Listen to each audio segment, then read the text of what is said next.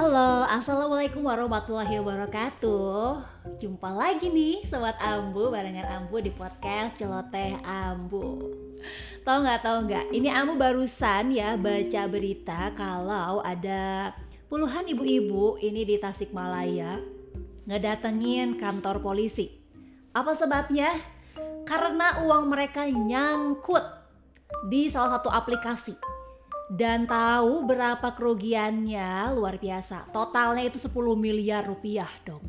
Jadi satu ibu-ibu itu kerugiannya ada yang ya jutaan gitu ya 1 sampai 9 juta gitu ya. Bahkan ada yang sampai ratusan juta. Dan itu tuh korbannya ada ratusan orang yang kalau di total-total kerugiannya 10 miliar rupiah.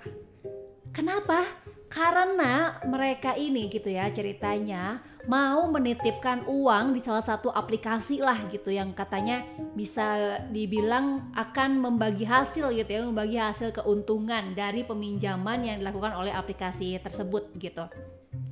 Dan tahu apa seterusnya kabarnya adalah ya udah gak ada kabar lagi kabar baiknya. Intinya uangnya hilang. 10 miliar rupiah. Bayangin bayangin ya ampun 10 miliar. Itu kalau di koper itu berapa koper? Coba ya. Ya investasi bodong itu memang gak habis-habis kayaknya ya untuk kasus-kasusnya gitu. Banyak banget gitu kasus-kasus yang kemarin-kemarin juga kita lihat ya sobat ambu ya para influencer, para artis bahkan gitu yang digadang-gadang menjadi brand ambassador gitu. Pada akhirnya harus datang kantor polisi sebagai saksi. Karena ya karena orang-orang percaya sama mereka gitu untuk ikutan untuk nyemplung akhirnya di investasi bodong gitu ya dan kita tuh harus waspada banget gitu ya dengan investasi-investasi yang aneh-aneh gitu ya. Nih bahkan nih kalau kata Satgas waspada investasi gitu ya masyarakat tuh waspada yuk gitu. Berbagai modus-modus penawaran gitu yang dilakukan oleh perusahaan atau produk-produk investasi ilegal gitu yang aneh-aneh itu jangan percaya. Kenapa? Karena ya itu tuh bohongan gitu itu tuh tipuan Lalu gimana sih caranya kita untuk mengetahui ciri-cirinya gitu ya?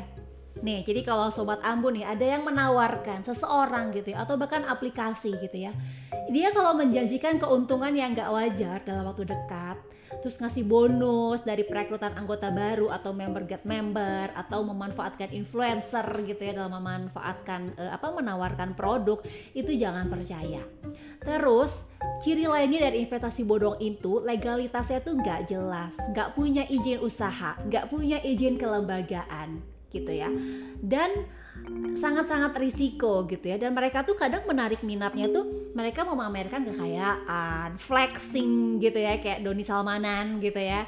Terus juga uh, mobil mewah rumah mewah kayak Indra Kents gitu. Terus harta yang banyak gitu. Itu tuh tipuan gitu loh sobat Ambu gitu ya.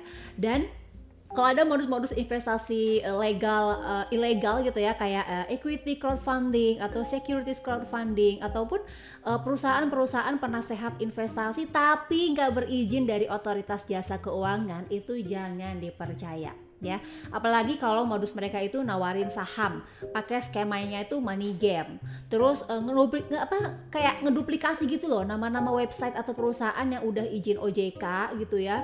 Tapi di mirip-miripin gitu nama perusahaannya. Terus ada juga pemalsuan izin usaha gitu pakai atas nama OJK gitu. Dan ya penyebab maraknya investasi ilegal itu ya karena emang setiap orang tuh gampang banget gitu ya zaman sekarang tuh bikin aplikasi, bikin website, bikin penawaran-penawaran gitu ya di medsos apalagi di era digital gitu. Ditambah nih ya, literasi keuangan dan investasi masyarakat tuh masih rendah. So, yang mudah lah tergiur gitu ya oleh investasi yang nawarin keuntungannya besar, cepet gitu ya. Dan kamu tahu nggak nih sobat ampu, Satgas waspada investasi gitu ya. Itu tuh udah menghentikan sebanyak 71 investasi ilegal. Terus juga 426 pinjol ilegal dan 5 gade ilegal. Itu tuh tahun 2022 doang ya. Tahun ini doang gitu loh. Kalau tahun lalu, wah ini lebih gile lagi nih. Yang dihentikan itu ada 98 investasi ilegal. Terus pinjol ilegal itu ada 811 dan ada 17 gadai legal parah banget gitu ya. Karena memang mungkin masyarakat kita yang ingin karakternya itu cepat kaya tapi nggak mau usaha. Gitu ya. Ya nggak sih? Coba deh lihat tetangga kanan kiri teman mungkin ya ada nggak sih yang kayak gitu? Ada dong. Nah orang-orang kayak gini nih yang gampang banget nih untuk bisa ditawari investasi bodong yang kayak gini gitu. Dan penawaran yang berkedok investasi tuh ya memang menawarkan keuntungannya tuh yang gak masuk akal. Gile banget ya parah banget. Dan jangan sampai kamu sobat ambu ini um, mengalami hal tersebut ya.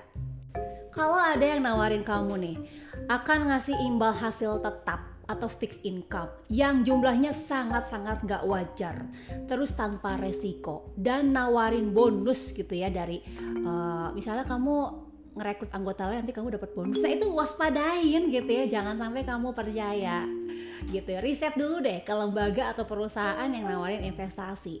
Karena kalau kita punya investasi, eh sorry, kalau kita punya informasi yang lebih detail gitu ya tentang legalitasnya, itu tuh bakal lebih tenang gak sih untuk ngeluarin duit, ya kan? Terus nggak usah ikut-ikutan juga. Kalau tetangga kamu ikutan gitu ya, ikut saham gitu misalnya, ya nggak ngerti saham, ya nggak usah ikutan gitu. Kalau memang kita nggak paham dan nggak mau paham juga, ya jangan ikut-ikutan gitu ya. Hanya karena FOMO gitu ya, fear of missing out, karena hanya karena orang lain kesannya ikutan terus kita enggak terus kita juga ikut-ikutan padahal kita nggak ngerti gitu karena keputusan instan untuk ikut-ikutan tuh je, apa tanpa apalagi tanpa persiapan ya dan juga tanpa strategi itu tuh sangat-sangat rentan gitu. Udah banyak banget kasus orang yang merugi di tengah jalan parah dan nggak bisa balik lagi gitu. Apalagi yang memang sih yang bikin parah tuh kalau ada artis influencer yang mempromosikan gitu ya. Dan kita tuh jangan langsung tergiur lah gitu. Hanya karena wah uh, public figure idola aku atau kesayangan aku mempromosikan nih gitu. Kayaknya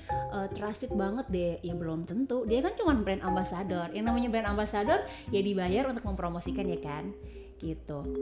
Apalagi sekarang kan, kan banyak ya publik-publik figur yang terseret gitu ya pemeriksaan. Bahkan kurut jadi korban. Itu tuh menunjukkan fakta kalau kehadiran mereka tuh nggak serta merta menjamin gitu. Menjamin akan peroleh keuntungan sesuai yang dijanjikan.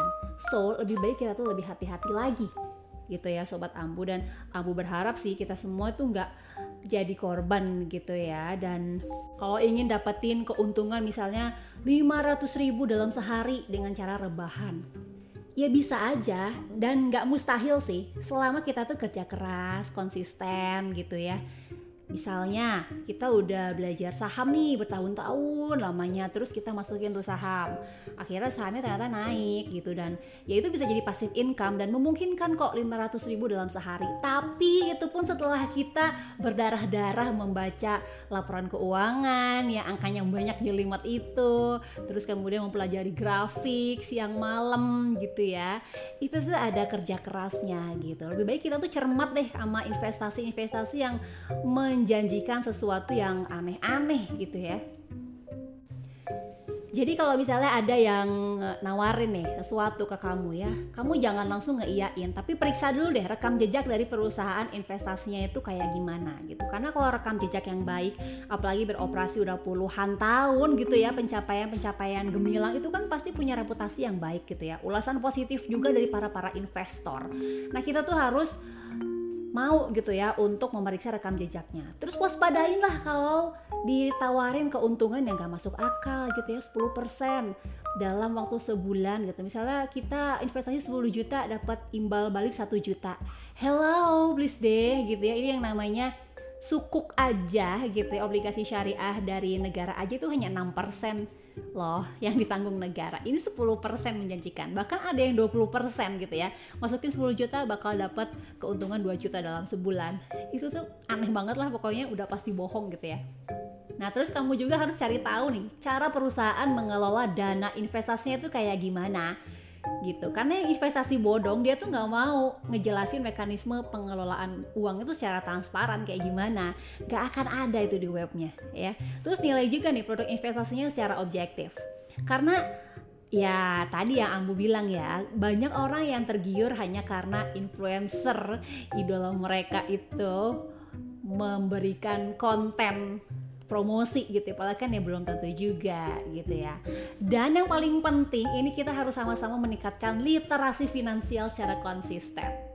Bener banget ini kalau kita mau ngeluangin waktu ya untuk mempelajari kayak seluk beluk investasi dari sumbernya gitu ya dari medsos website yang valid dari workshop dari seminar ini tuh akan bikin kita jadi makin teliti dan lebih aware untuk bisa milih investasi sesuai kebutuhan dan kondisi finansial kita gitu jadi gak ada tuh yang berkedok berkedok bodong gitu ya dan yang jelas kita tuh harus punya rencana investasi itu yang detail gitu. Kita harus kenal nih produk investasi legalnya itu apa. Kenapa?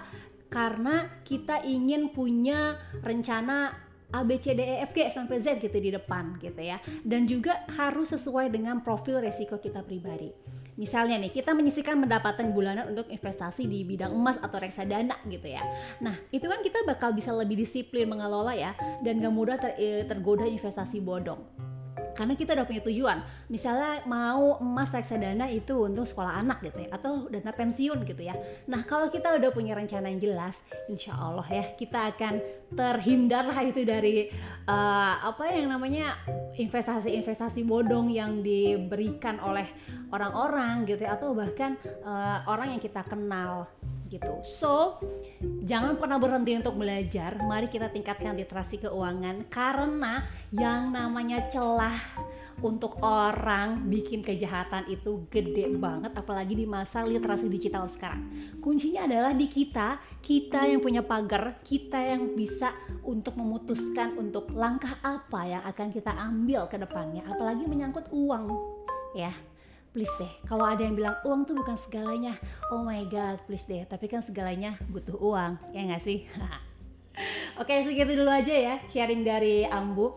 Jangan lupa untuk selalu dengerin podcast Celote Ambu hari Senin. Konten naik Sampai ketemu di podcast Celote Ambu berikutnya. Dadah Wassalamualaikum warahmatullahi wabarakatuh